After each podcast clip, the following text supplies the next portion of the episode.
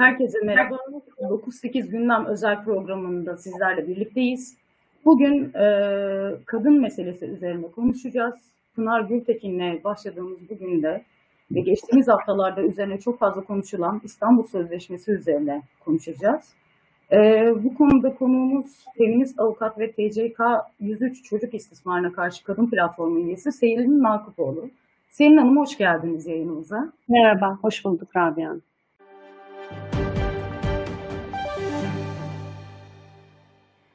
İktidarın İstanbul Sözleşmesi'nin kaldırılmasına yönelik açıklamaları tartışılırken her gün yeni bir şiddet haberine uyanıyoruz.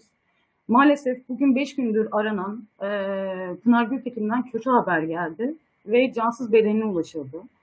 Pınar Gültekin'in vahşice bir erkek tarafından katledildiğini öğrendik. Sonrasında gün içerisinde Antalya'da Seher Fak isimli bir kadının oğlu tarafından e, öldürüldüğü haberini aldık maalesef. Bu noktada sanıyorum tam da bu noktada İstanbul Sözleşmesi'nin önemi ortaya çıkıyor. Ee, geçtiğimiz haftalarda e, iktidar kanadından İstanbul Sözleşmesi'ne yönelik açıklamalar geldi. Kaldırılmasına yönelik. E, ve e, İstanbul Sözleşmesi e, Türkiye'nin ilk imzacısı olduğu, e, uluslararası bir nitelik taşıyan ve kadının haklarını ciddi anlamda koruyan bir yapıya sahip.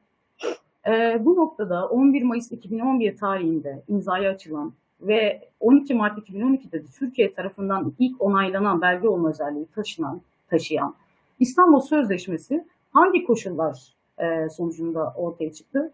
Buradan başlayalım isterim. Tam da içinde bulunduğumuz koşullar sevgili Rabia. Ee, öncelikle dinleyenlerden ve sizlerden yani özür diliyorum. Çok e, kötü hissediyorum kendimi. Çok, zorlanıyorum konuşurken. Sürekli aynı şeyin içinde debelenmekten, sürekli dejavu yaşamaktan. Tam bir sene önce İvni Bulut kızının gözü önünde kırklar kesildi. Fedai isimli erkek tarafından. Ve biz tam bir sene önce bunları konuşuyorduk. Tam bir sene önceki noktadayız, daha da gerideyiz aslında. Neden? Çünkü bir sene önce sözleşmeden imzasını çekmesi noktasında değildi Türkiye. Ee, ve Temmuz 2020'nin başlarından itibaren Numan Kurtulmuş'la başlayan bir durum. Sonra Cumhurbaşkanı da bunu tekrarladı. Sözleşmeden imzanın çekilmesi gündemimize düştü. Bu sözleşme hangi koşullarda imzalandı? Türkiye için utanç veren bir karardı. Naide Oput'un e, annesinin e, öldürülmesi, evli olduğu kişi boşanmaya çalıştığı kişi tarafından ve Naide'nin de defalarca çok ağır yaralanıp şans eseri aslında hayatta, kurtul, hayatta kaldığı e, durum sonucunda anne öldürülünce e, kamu davası dönüşüyor ve ahime gidiyor dosya.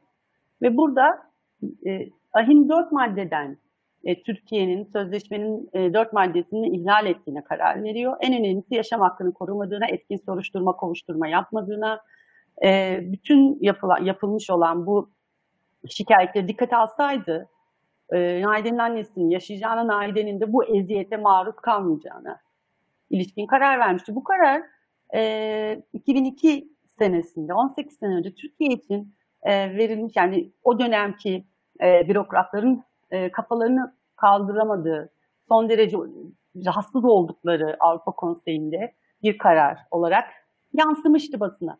Sonra bunu aslında e, bir, bir şekilde bu durumdan nasıl kurtulabilir? Mücadelenin yöntemleri e, regülasyonlar yaparak ve e, aslında opus kararı e, iştahat niteliğinde de olduğu için hı hı. E, bu e, karar e, çerçevesinde düzenlemeler başladı. Avrupa Konseyi'nin e, hazırlamış olduğu, e, tabii ki bu Türkiye'nin kendiliğinden e, yapmış olduğu bir durum değil. Bu sözleşmenin e, her zaman söylüyorum, e, temelinde kadınların kanı var, kadınların emeği var, kadınların çok yoğun mücadelesi var. 30 küsur senelik feminist e, örgütlenme var, feminist kadınlar var. Her dönem, her iktidar partisini e, dikkatle izleyen, e, çekincelerini söyleyen, öngörülerini ifade eden feministler, kadınlar var.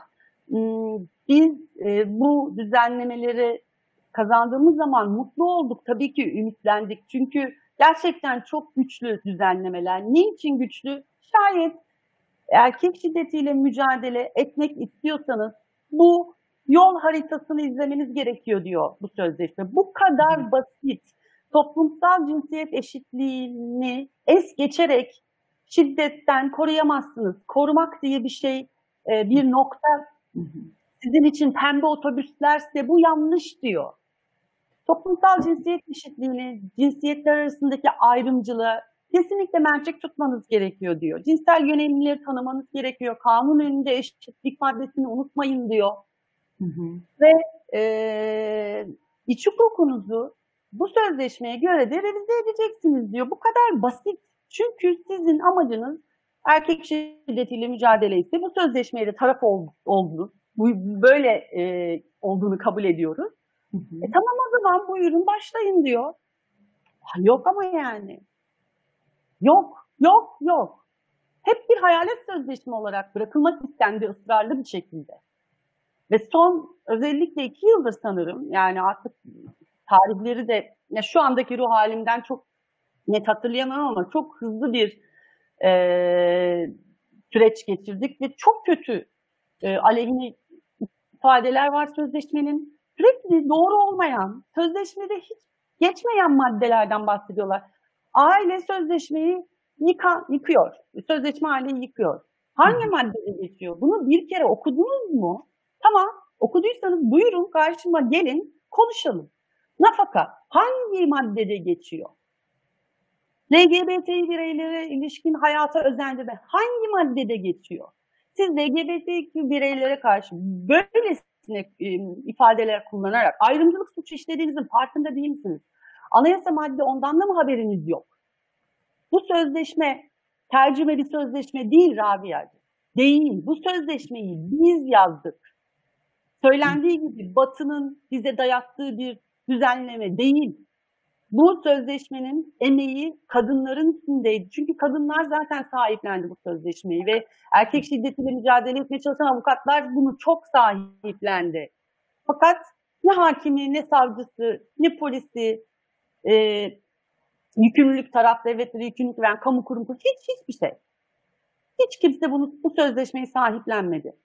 Türkiye'deki 81 barodan kaçı bile buna ilişkin eğitim verdi. Onu bile otursunlar konusunda herkes şapkasının önüne koysun. Bu sözleşmeye sahip çıkmanız gerekiyor. 6 senedir belki sadece sözleşmeye saldırılar olduğunda aklınıza geldi. Ama biz hiç unutmadık çünkü biz hak savunucuları olarak elimizdeki bu kadar mühim bir düzenleme bizim için o kadar ümitliydi ki umut, umut veriyordu. Bu uygulanırsa, şu madde uygulanırsa şu olur. Senin Hanım tam da bu noktada Ben yani evet istiyorum. çok çok, çok da biraz da şeyim, biraz da kızgınım sanırım. Anlıyorum. Haklı olduğunuz noktalar kesinlikle var. Çünkü bunu, bunu sürekli konuşuyoruz gerçekten. Sizinle de bunun üzerine çok fazla haber yaptık. Dolayısıyla hep aynı şeyi konuşmak evet gerçekten sıkıntı verici. Ama ben tam da bu noktada sözleşmenin içeriği sizin de söylediğiniz gibi yanlış lanse ediliyor. Daha da iyi anlaşılması açısından size şunu sormak istiyorum. Ee, İstanbul Sözleşmesi kadınların ve LGBTİ artıların hangi haklarını koruma altında tutuyor? Niçin önemli bu aşamada? Şöyle İstanbul Sözleşmesi e, e, e, cinsiyetler arasındaki eşit olmayan güç ilişkisinin e, tezahürü olduğunu söylüyor şiddetin. Bir kere bunu bir kere kabul edeceksin diyor. Yani cinsiyetler arasında eşit olmayan güç ilişkileri var. Kadınların, e, e, erkeklerin kadınlara üstünlüğü, kadınlara karşı ayrımcılık yapması, e, ilerlemelerinin hani her bakımdan istihdamda, siyasette, eğitim hakkında ilerlemelerinin engellenmesi falan. Bu, bu, bu şiddettir. Bir kere bunu kabul edeceksin diyor. Ve e, şiddeti tanımlaması çok önemli. İlk kez bir e, düzenleme özel yaşamdaki şiddeti de tanıyor. Yani şunu söylüyor, ister kamu, ister özel yaşamda meydana gelsin. Her türlü fiziksel, cinsel, ekonomik, psikolojik şiddeti tanıyoruz. Bu şiddet tehdidini de tanıyoruz. Ayrımcılığı da tanıyoruz diyor. Yani farkındayız, böyle oluyor. Ben şiddet böyle böyle böyle çıkıyor diyor. Taraf devletler de bunu kabul ediyor sözleşmeyi imzalayan. Şimdi sözleşme neler getiriyor? Önce önleyici tedbirlerden bahsediyor. Yani şunu söylüyor. Suç işlendikten sonra, şiddet ortaya çıktıktan sonra, o şiddete maruz kalanın canı yandıktan sonra harekete geçme. Önce önleyici tedbirlere bak. Şiddetin ortaya çıkamayacağı bir toplum yarat. Ve bunun için uğraş. Ya bunun için de neler yapman gerekiyor? Ee, söylemlerine çok dikkat etmen gerekiyor. Bürokrat olarak, siyasetçi olarak. Toplumsal cinsiyete da, e, duyarlı politikalar inşa etmen gerekiyor ve bunu tüm kurum ve kuruluşlarla işbirliği içinde yapman gerekiyor. STK'larla çalışman gerekiyor birlikte. Bu e, alanda çalışan STK'larla işbirliği yapman gerekiyor. E, erkekleri, erkek çocukları e, aktif katkı tedbiri yani bu cins, toplumsal cinsiyet eğitimini vermen gerekiyor. Aç, e, ağaç, yaşken eğileri de unutma diyor. Farkındalığı, farkındalığı arttırman gerekiyor. Yani cinsiyetli bir e, cinsiyet ayrımı bir politik e, söz varsa ona ilişkin tutmaman da gerekiyor diyor. Mesela Yargıtay 14. Ceza Dairesi'nin verdiği cinsel tacize maruz kalmış e, kamu görevlisine ya canım babacan bir tavırla kalçanı okşadı demeyeceksin diyor. Böyle bir şey söyleyemezsin. Bu zaten şiddete zemin hazırlıyor diyor. Resmi müfredatta toplumsal cinsiyette dayalı eğitim koyman lazım diyor. İki sene önce çıkarıldı bizim müfredatımızdan. Hı hı. Bakın aykırı şeyler yapıyoruz sözleşmeye. Bırakın sözleşmenin yükümlülüklerini yerine getirmeyi. Tekrar failin suç işlemesini önle diyor. İkinci mazeriyetleri oluşmaması için yani e, şiddeti maruz kalanın ailesine ilişkinde korumalar yap. O fail e, hükümlüyse, içeri girdiyse, hükmü bittikten sonra tahliye oluyorsa şiddete maruz kalmışlara haber ver. Bak bu çıkıyor, salı veriyoruz. Yani tahliye oluyor artık. Bilin de diyor. Tecavüz kriz merkezleri kur. Çünkü cinsel suçlarda en önemli sıkıntı delillendirme ve bu delillendirme sebebiyle e, yargılama pratiğinde çok ciddi travmalar yaşıyor e, şiddete maruz kalan. Mağdur kelimesini kullanmıyorum ısrarla. Şiddete maruz kalan. Çünkü biz erkekler tarafından mağdur edilenler değiliz. Şiddete maruz bırakılanız. Ve fail onlar. Bu şiddetin adı da erkek şiddeti. Bir kere bunun da bir öznesi var. Onu da koymak lazım. Cinsel şiddet merkezleri kurun diyor. Yani kurun bunun içinde bir adli tıp uzmanı, e, doktor, avukat, psikolog olsun ve defalarca travma yaşamasınlar. Ya bakın Avusturya'da kaç sene önce ya bilmiyorum 1970'li yıllarda kurulmuş merkezler bunlar. Biz de hala bunların mücadelesini veriyoruz. Ee, hiçbir şekilde ne kolluğun, ne çalışanın, ne kamu kurumunda çalışan herhangi bir kişinin ön yargılı bir lafına, bakışına maruz kalmadan olması gerektiği gibi ilerleyen sistemlerden bahsediyoruz. Ee, bizde de olsa keşke, biz de sözleşmenin tarafıyız diye ama ısrarlı takibi bile cezalandırmıyor. Bakın Grevio 2018 Kasım'ında dedi ki Türkiye'ye nedir Grevio? Bu sözleşmenin denetim mekanizması var. Çok önemli o yüzden. Sözleşmeyi imzaladın, çektin gittin diye bir şey yok. Bu sözleşmeyi yükümlülüklerini yerine getiriyor musun, getirmiyor musun diye yerinde inceleme yapan bir denetim mekanizması var. Bu denetim mekanizmasına e, e, gölge raporlar verdi STK'lar 2018'de ve çıkan rapor, kati rapor şuydu. Türkiye ısrarlı takibi Türk Ceza Yasası'na suç olarak koy. Çok önemli. Neden? Ben sözleşmede sana demiyor muyum? Önleyici tedbirleri uygula. İşte bu da önleyici tedbirlerden biri. Israrlı takip suçunu suç olarak yani ısrarlı takibi suç olarak tanırsan muhtemel büyük şiddetlerden koruyacaksın. O kadını, o LGBT bireyi. Dijital e, ısrarlı takip var. Bak hani e, bu kadar e, globalleşen dünyada herkes herkese dijital yollardan da şiddet uyguluyor ve bunu da tanıman lazım dedi. E, fakat böyle bir girişimi bırakın. Biz her şeyin sözleşmenin aksine işler yaptık. E, mesela 2016'da e, kadınların en çok maruz kaldığı ve LGBT bireylerin en çok maruz kaldığı suçlar hakaret, tehdit, basit yaralamayı uzlaşmaya soktu. İktidar Partisi. Yasak. Bu da sözleşmeye göre yasak. Alternatif uyuşmazlık çözümlerini kullanamazsın şiddet varsa diyor. Yasak. Aile hukukunda arabuluculuk zikrediliyor. Çok endişe verici. Ee, yani hangi birinden başlayayım? Önleyici tedbir, Tamam mı? Bunları yap yani şiddetin ortaya çıkabileceği bir toplum tahayyülüyle hareket et ve bunun için uğraş. Olmadı. Bu zaman alacak bir şey. Evet. Hemen e, davranışlar, e, tutumlar değişmeyebilir. Tamam. Ama bu arada kadınları aktif koru. Kadınları ve LGBT bireyleri aktif koru. E, şiddetle mücadele mekanizmalarını işlet. Kağıt üstünde bırakma diyor. Bu da olmadı. Şiddet ortaya çıktı. Yani uğraştın ettin ama olmadı. Etkin bir soruşturma yap. İyi delil topla. Şu Leçet dosyasındaki gibi intiharı atlamış düşmüş diye kapatma. Ondan sonra ailesi kadınlar Twitter'a gitmek yani sosyal medyaya gitmek zorunda kalıyor. Ee, orada adalet bir de böyle arıyorlar. bir direniş biçimi doğdu değil mi? Belki kısaca ona da değinebiliriz. Yani bu, bu, bu Ee, çok artık baktığınızda. cezasızlık meselesi o kadar ciddi bir e, aşamaya geldi ki insanlar seslerini duyurmak ve gerçekten e, hak edenlerin cezalarını almaları için sosyal medyayı ciddi anlamda aktif bir biçimde kullanır oldular ve biz birçok hadisenin aslında oradan çözüldüğünü de gördük. Bu çok acı verici bir şey bir Çok öte- e, yandan baktığınızda. Yani kadınlar adalete e, güvenmiyor, adalete erişemiyor, adalete erişme e, mekanizmalarında ciddi sıkıntılar yaşıyor. Dosyalar soruşturma aşamasında kapatılıyor. E, olması gerektiği gibi delil toplanmıyor. Yani soruşturma etkin yürümüyor. Sözleşme bunu söylüyor zaten. Etkin yürüt bu soruşturmaları ki mahkeme aşamasına geldiğinde, kovuşturma aşamasında hakimin önünde dosya iyi bir adaleti sağlayıcı bir karar çıksın.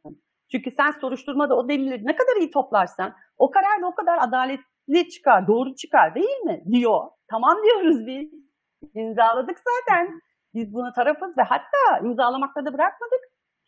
Ee, ilk imzacısı olmakla öyle bir övündük. Öyle bir reklam çalışması yaptık ki yani şimdi herhalde onları falan öyle nasıl yaptık biz bu işleri diyorlar. Zaten Met- Mehmet Metiner dedi ya biz e, ve- mecliste şey yaptık onayladık da ben neyi onayladığımızı bile bilmiyorum. Neden el kaldırdığımı bilmiyorum. Ne kadar vahim bir söz bu. Ne kadar problemli bir söz. Neresinden tutarsa elimizde kalıyor. Ee, ama işte biz bu ne, neden neyi e, onayladığımızı bilmiyoruz dedikleri sözleşmeyi bir türlü e, uygulatamadık. Yani bu kadar da direniyoruz hala. Şimdi de iş imza çekilme noktasına geldi. E, sözleşme feshedilsin diye bir cümle doğru değil bu arada. Bu, bu yanlış bir cümle. Hep bunu ifade ediyorlar. Siz ancak o sözleşmeden çekilebilirsiniz. Tabii uluslararası siyasal ve hukuki boyutlarını, e, şeylerini eğer karşılıyorsanız, sonuçlarını Tam da bunu- karşılıyorsanız. Tam da bunu sormak istiyorum Selin Hanım. Yani bu, bu söylem fazlaca dile getirilmeye başlandı. Ee, Türkiye'nin sözleşmeden çekilmesinin sonuçları ne olur somut anlamda? E, bu tabii ki e, Avrupa Konseyi Sözleşmesi. Yani bu bir şey sözleşmesi değil. E, pardon bu bir basit bir yasa değil. Hı hı. E, ulusal e, düzen, düzlemde yapılmış bir yasa değil. O Hı hı. yüzden meseleye sanki bir kişi kanun yapıyor gibi bakılıyor. O çok tuhaf gerçekten. E, şiddete karşı kazanımlarımız heba olur. İlk bunu söyleyeyim altını çizerek. O kadar emek var ki, e, o kadar da acı var ki bu sözleşmede, sözleşmenin oluşumunda. E, kadınların çektiği çileler var ki büyük bir e, e, şey olur, hezimet olur açıkçası. Ama bu yapılacağı söylenen e, uluslararası hukuk e, ve anayasa madde 90'la da aykırı bir durum aslında. Fakat 2018 Temmuz'unda iki sene önce milli anlaşmaların onaylanmasına ilişkin e, usul ve esaslar hakkında Cumhurbaşkanlığı kararnamesi yayınlandı. Hı hı. E, bu üçüncü maddede bu onaylamayı ele alıyor. Yani milli anlaşmaların onaylanması Cumhurbaşkanı kararıyla olur diyor. Yani bu hukuken evet yapılabilir, imza geri çekilebilir ama e, bunun uluslararası noktadaki sonuçları hiç düşünüldü mü acaba? Şimdi bu sözleşmeden biz imzayı çekersek diğer sözleşme uluslararası nokta e, platformda bütün işimiz bitiyor diye mi düşünüyorlar? Biz Birleşmiş Milletler'in sözleşmelerine e, tarafız, e, SEDAV'a tarafız, e, Avrupa Konseyi'nin e, Lanzarote Sözleşmesi'ne çocukların cinsel istismarla mücadele ve saldırıyla e, ya karşı mücadele sözleşmesine tarafız. E, Avrupa İnsan Hakları Sözleşmesi'ne tarafız. Birleşmiş Milletler İnsan Hakları Sözleşmesi'ne tarafız. Yani bu bunları mı sayalım? Şimdi buradan çekilmekle bir de İstanbul Sözleşmesi'nde bireysel başvuru hakkı bile yok. Yani bana bu da çok tuhaf geliyor. Ee, hani baktığınızda o kadar da böyle güçlü bir şeyi yok. Bireysel başvuru yani düşünsenize AHİS gibi Avrupa İnsan Hakları Sözleşmesi gibi bireysel başvuru hakkınız da yok. Ee, bu da iptal edilsin lafı da çok tuhaf. Siz ancak sözleşmenin öngördüğü şekilde çekilebilirsiniz. Ama bu yalan üstüne kurulmuş bir süreç içindeyiz. Bunu böyle yapmamak gerekiyor. Bu çok e, yanlış bir hareket olur. Hakikaten çok yanlış bir hareket olur ve benim için de şöyle bir endişe yani bu, buradan imza çekilirse e, arkası gelecek endişesi tabii ki var. Diğer e, kazanılmış haklara ilişkin. Sözleşme tüm e, Türkiye'nin en büyük sorunu haline geldi farkındaysanız.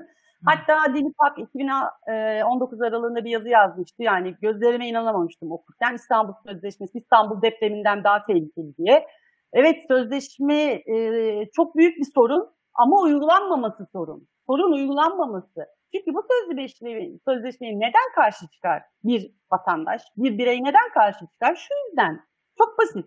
Kadının eşit hak sahibi yurttaş olmasından rahatsız da karşı çıkar. Bu kadar net. Temel insan haklarından bahsediyoruz. Madde 4 cinsel yönelim yapı geçiyor diye kıyameti koparıyorlar. Ne istiyorsunuz?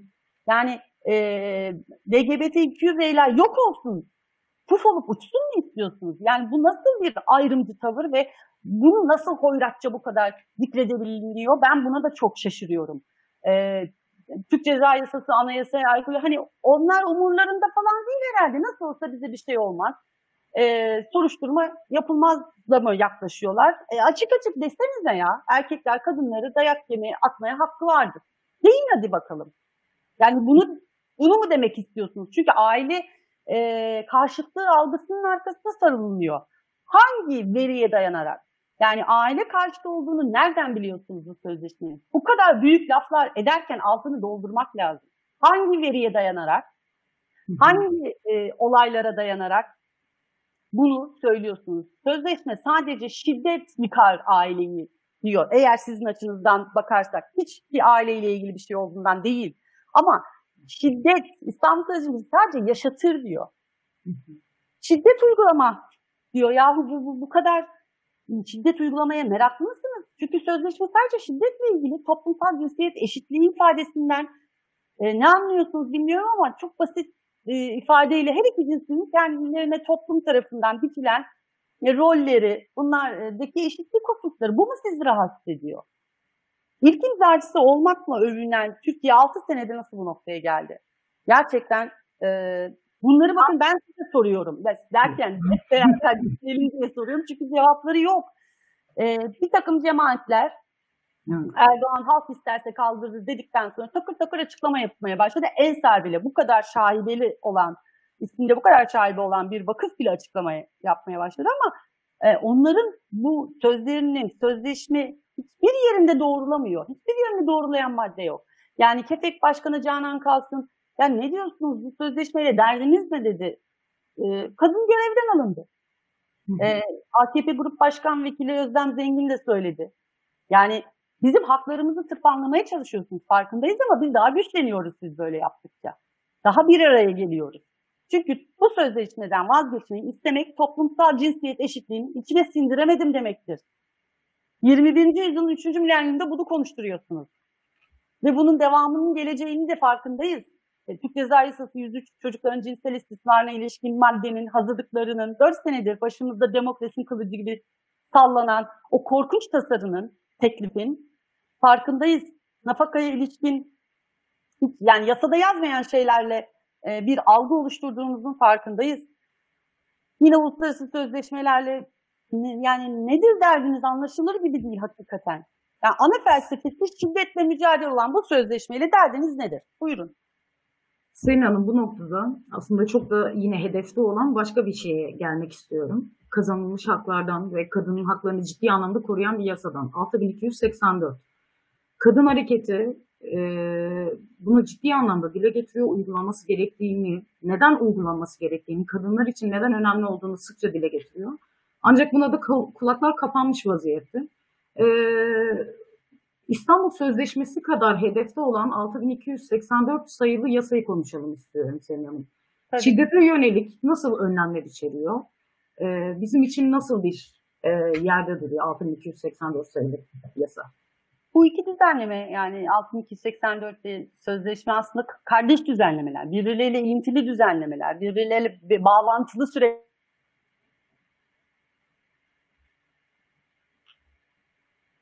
süreçlerde ortaya çıkan 84 sayılı yasa. Bakıldığında çok önemli e, düzenlemeler, çok önemli tedbirler getirdi. Öncelikle aynı İstanbul Sözleşmesi gibi önleyici tedbirleri çok detaylı bir şekilde ele aldı. Hakimlere e, yani e, adli noktası, adli noktaya değindi. Hakimlere, savcılara görevler verdi. Mülki amirlere, kaymakamlara, valilere görevler verdi. Kolluğa, jandarma, polise görevler verdi ve e, bunun e, etkin ve etkili uygulanması için ciddi de çalışıldı. O dönem Fatma Şahin dönem bakanıydı ve e, kadın örgütleriyle, bizlerle, hak savunucularıyla çok ciddi irtibat halindeydi. Yasa otursun diye çok uğraşıyordu. Ama e, mesela hani, mülki amirler kendilerini dışarıda tutmaya e, çalıştılar ve başardılar. Yani aslında uygulamayı da oturtmak için ilk üç senede çok mücadele verdi erkek e, uygulayıcılarla mücadele verdik. Bu sözleşmenin kardeş düzenlemesi olan şiddet yasası diyoruz özetle. Şiddet yasası herkes için uygulanan. Şiddet gören ya da şiddet görme tehlikesi altında bulunan kadınlar, çocuklar, e, aile bireyleri, ısrarlı takip mağdurları, herkesin bu sözleş e, pardon yasadan faydalanması söz konusu. Israrlı takip ilk kez e, bu sözleşmede pardon yasada yasada geçti. E, ama e, bu küçücük 6284 sayılı yasada geçen bu e, ısrarlı takip sözünü sözleşme bize dedi ki Türk Ceza Yasasına da e, suç olarak koy. Çünkü bu eksik kalıyor. Yani bu yapmazsan uygulamada eksiklik oluyor ve oluyor gerçekten. Şimdi müvekkillerimiz ısrarlı takibe maruz kalıyor. Oturup ceza kanunda yasa maddesi arıyoruz.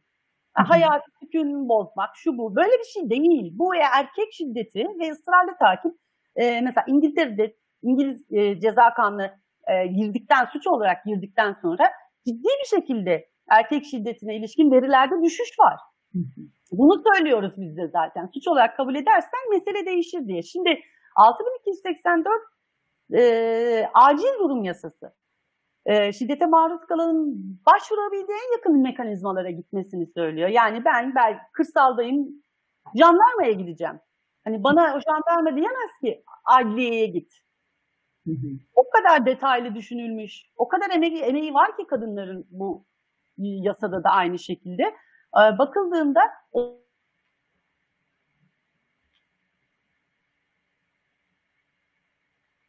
Selin Hanım.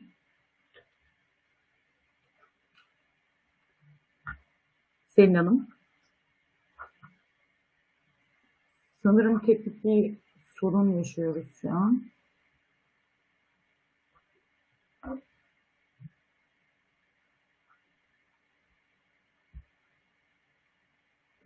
Evet.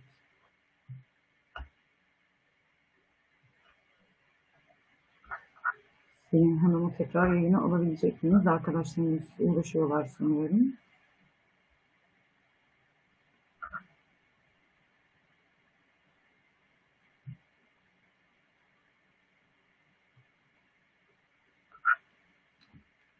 Tekrar bağlantı sağlayamadık anladığım kadarıyla. Ee,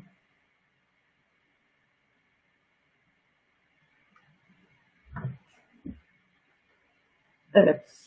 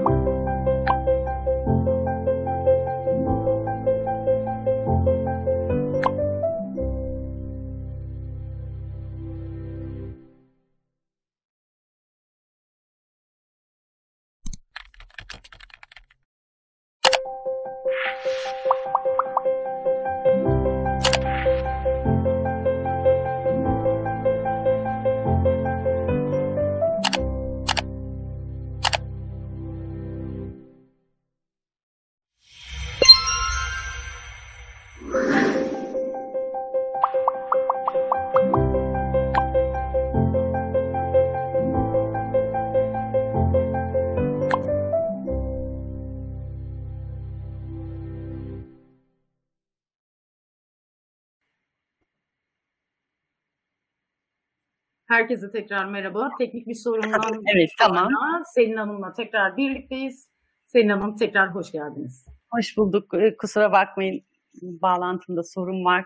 Ee, 6284 sayılı yasadan bahsederken şu son e, Hakimler Savcılar Kurulu'nun e, 30 Mart'ta çıkarmış olduğu genel kurul kararlarının da üstüne durmamak olmaz. Çünkü çok enteresan. Hakikaten çok şaşırdık. Yani Covid-19 önlemleri sebebiyle evdeyiz. Ee, hatırlayın daha önce Çin e, ağır bir karantina dönemi geçirmiş ve e, uluslararası yayınlarda erkek şiddetinin ne kadar arttığına ilişkin e, yazılar okumuşuz. Birleşmiş Milletler Sözcüsü, iki sözcüsü demiş ki aman yani Covid-19'da mücadele ederken erkek şiddetiyle hiç hesaba katmadık. Şiddet çok arttı. Ülkelere bu konuda da önlem almalarını tavsiye ediyoruz demiş. Bizim ülkemizde ne yapıldı? Ee, dedi ki madde 10'da bu HSK'nın 30 Mart'taki kararında e, tedbir kararlarının yükümlülerinin koronavirüs kapsamında sağlığını tehdit etmeyecek şekilde değerlendirilmesi gerekiyor. Yani bu şu, e, şiddete maruz kalan kadın ve çocukların değil, şiddete şiddet uygulayan erkeğin yaşam hakkı ve sağlığı önceleştirilmiş. Öncelen, önceliğe alınmış.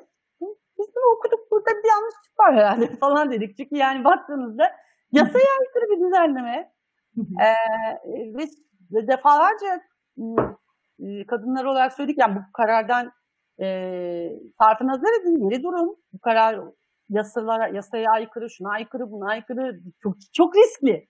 Aynı zamanda çok çok risk içeri, çok tehlikeli. Hayır. Hiçbir bakanlıktan cevap gelmedi.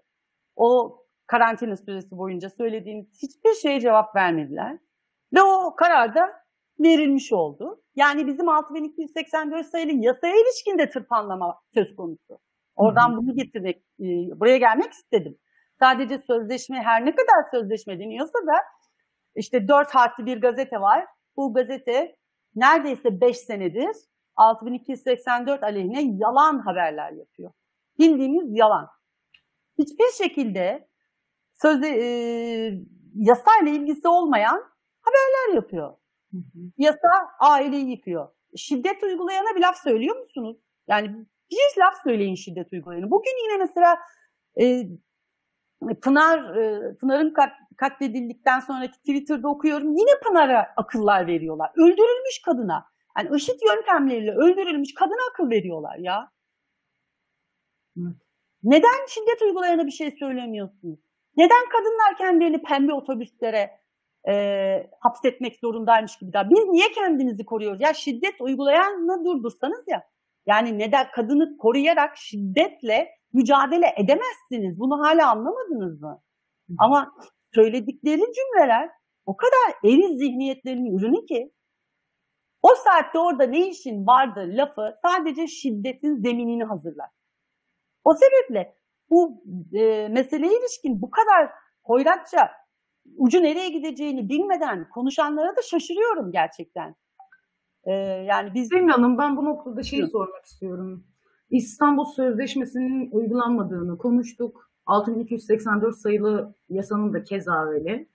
E, bu noktada uygulanmadığı halde bu kadının haklarını koruyan e, ve belki şiddeti belli noktalarda e, ortadan kaldırabilecek bu yasa ve sözleşmeler uygulanmadığı halde kadına yönelik erkek şiddeti ve kadın cinayetlerinde inanılmaz bir artışla karşı karşıyayız.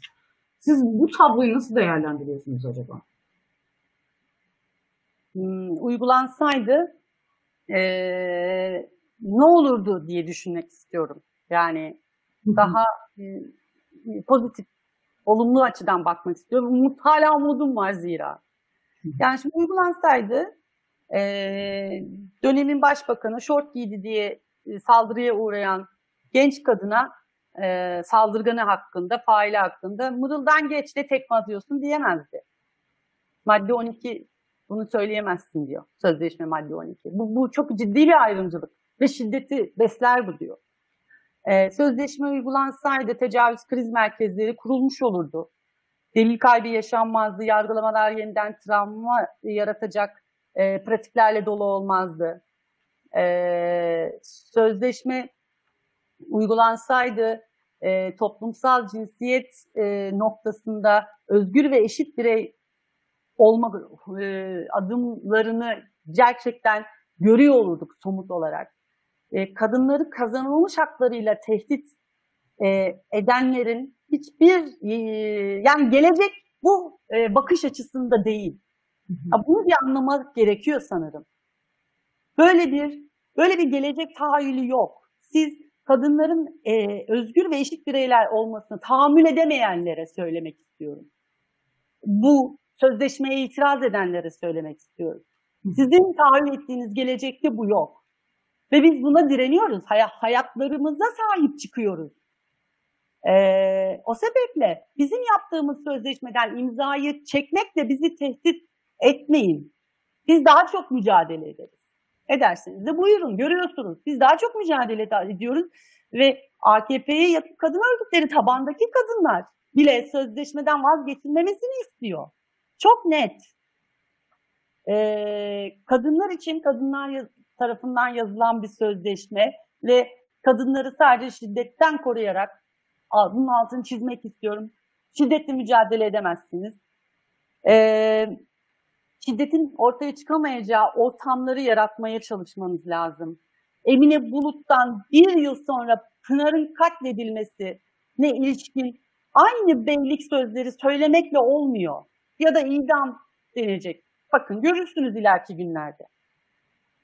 Ne zaman cinsel şiddettense hadım, ne zaman hayat, yaşam hakkına ilişkin bir şey olsa yani bir, kat- bir kadın öldürülse idam. Hayır, bu bunun e, cevabı bu değil. Bizim elimizde düzenlemeler var. Biz neden her seferinde her olayda Amerika'yı yeniden keşfediyoruz? Ve gerçekten söylenen bu açıklamalar hangi birimize inandırıcı geliyor? Yani insan inanmak istiyor. Gerçekten mücadele edileceğini görmek istiyor. Bu kısır döngüden çıkmak istiyoruz hepimiz. Hepimizin derdi bu. Yani ana muhalefet hala İstanbul Sözleşmesi'nin e, çok önemli bir gündem olduğunu farkında değil mesela. Farkında olması gerekiyor. Esas mesele bu çünkü. Bizim hayat biçimimizde müdahale var ve topyekün. Ve kazanılmış haklarımıza saldırıdan şort giyip giymeyeceğimize, hamileyken dışarı çıkıp çıkmayacağımıza, nerede kahkaha atıp atmayacağımıza, örtülü olup örtülü olmayacağımıza göre bunlar var. Biz erkeklerin bu konforuna itiraz ediyoruz çünkü. Onların bir sözüyle biz hayatlarımızı değiştirmeyeceğiz. Onların bir sözüyle anayasa ve uluslararası sözleşmelerden çıkılamaz. Böyle bir dünya tahayyülüne itirazımız var. Ben çok güncel bir mesele olduğu için ona da değinelim istiyorum son olarak. Ee, KADES mobil uygulaması 2018'de e, İçişleri Bakanlığı ve Aile e, Bakanlığı tarafından hayata geçirildi. Panik butonu uygulaması aslında. Şiddete maruz bırakılan kadınların e, panik butonuna e, ulaşabileceği ve bu yolla şiddetten bir şekilde e, kurtulabileceğine dair. Bu söylemle e, kamuoyuna duyuruldu, hayata geçirildi. Dün de CHP Genel Başkan Yardımcısı Gamze Akkuşilgezi bununla ilgili İçişleri Bakanlığı'nın yanıtını paylaştı kamuoyuyla. Yanıt çarpıcı ve dehşet verici. Çünkü e, neredeyse günde 38 kadın, saatte 1,5 kadın e, gördüğü şiddeti akıllı telefonlarından bildirmişler bu butonla. Bunlar akıllı telefon kullanabilen kadınlar. Tabii işin bir de bu kısmı var. Akıllı telefon kullanamayan ve şiddete maruz bırakılan çok fazla sayıda kadın olduğunu tahmin edebiliyoruz. Veriler çok ciddi boyutta. Ee, çok fazla e, özellikle son 17 ayda ciddi bir artış var. Uygulamayı çok fazla indiren kadın var. Ee, ve e, yaklaşık saatte 23 kadın e, her an şiddet görmekten korkuyor. Her an şiddetle karşı karşıya. Siz bu verileri aynı zamanda bu KADES uygulamasını ve İçişleri Bakanlığı'nın tabii ki yanıtını nasıl değerlendirirsiniz? Ya KADES uygulamasına ilişkin e, yani bu bu e, mücadeledeki her mekanizmayı destekliyoruz tabii ki. E, e, ama e, şu bununla ilgili bir yazı yazmıştım birkaç ay önce. Şu, şu kadar çok basit basit noktalardan gidilebilir. Şimdi her kadının akıllı telefonu yok. Her kadının internete ulaşımı olmayabilir. Yani paketi bitmiş olabilir. Her detayı düşünmeniz gerekiyor. Yani bu KADES uygulamasını basit SMS e, sistemiyle entegre etmek mümkün. Bu çok e, benim gibi teknolojiden bu kadar uzak bir insanın bile aklına gelebildiyse yani bu çok mümkün diye düşünüyorum. Mesela bunu yapabilse bakanlık yani böyle bir e, bir girişimde bulunsa bir. iki bu e, KADES uygulaması pilot olarak yani belli illerde var diye biliyorum. Onu beni doğrulayın. Emin değilim. Yani tüm Türkiye çapında e, var mı emin değilim. Yani bir e, Tunceli'ye gittiğinizde KADES uygulamasıyla aynı şekilde emniyet e, mensubu sizi arıyor mu, geri dönüyor mu falan onu bilmiyorum. Ben pilot olarak hala kaldığını biliyorum iki senedir. Bir kere bunu tüm Türkiye... Ben de evet. Hala pilot uygulamada olduğunu biliyorum ben de. E, Evet şimdi bu kadar önemli bir araç değil mi bu? Yani sesinizi duyabileceğiniz bir durum. Bir kere bunu bir an önce pilot uygulamadan çıkarmanız, tüm Türkiye'ye bir şekilde yaymanız gerekiyor.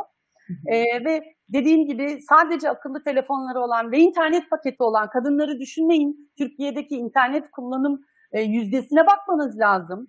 Ee, yani telefonu sadece iki tuşuna basıp, basıp alo diyen ve gelen mesajları sadece okuyabilen kadınları düşünmeniz lazım. Ee, ve e, buna ilişkin daha m, kamu spotlarıyla duyurmanı, duyurulması gerekiyor. Yani kadesi siz biz, biz deli olan biliyor haldeyiz. Yani kadesin duyurulması gerekiyor. Ben ısrarla televizyonlara bakıyorum. Yani var mı pek göremedim kamu spotu. Ee, yani en son gördüğüm kamu spotu çay getiren bir kadındı yani şeye e, kocasına. Kamu spotlarına ciddi paralar harcanıyor. Ama lütfen toplumsal cinsiyet eşitliğini e, öne çıkaran, ayrımcılık yapmayan, KADES gibi uygulamaları e, herkese anlatan e, işlere ilişkin kamu spotları yapılsın. Sadece televizyonda değil, billboardlarda KADES'e ilişkin ben pek bir şey göremiyorum büyük şehirlerde de. Şimdi küçük bir kasabadayım e, Doğu Karadeniz'de. Hiç kimsenin haberi yok. Yani e, güzel bir projeyi yaygınlaştırmamız gerekiyor. E, düşünebiliyor musunuz? Akıllı telefonu ne kadar az, e, internet şeyinin az olduğunu düşünün. Bu kadar çok ama bildirim yapılmış. Yani şiddetin e, oranının büyüklüğünün farkında mıyız? Ne kadar fazla Evet. şiddet var. Bu sadece uygulamayı indiren kadınlar üzerinden elde edebildiğimiz bir veri. Bunun Evet. diğer tarafını düşünmek dahi istemiyorum. Evet, karantina döneminde erkek şiddeti çok yükseldi. Çok yükseldi. Ee, bunu görmemeye çalıştı görevliler. Hatta polisler bile yani mor çatıya başvuran kadınlar da söyleyenler oldu vakfa. Karantina var canım ne 6284'ü. Bunu bir kamu görevlisi söyleyemez. Bu suçtur. Ee, ve askıya alındı gerçekten 6284. Onların ayak e, şeyleri bunlar. Yani ayak izleri bunlar. O dönem yapılmış olan o görev savsaklamaların, görev ihmallerinin işte sonuçları bunlar. Ve daha da var aslında. Eminiz daha da var ama e, herkes kamu görevlisi karakola, jandarmaya gidilmeyen, adli mercilere yansımayan olayların olduğunu şüphesiz.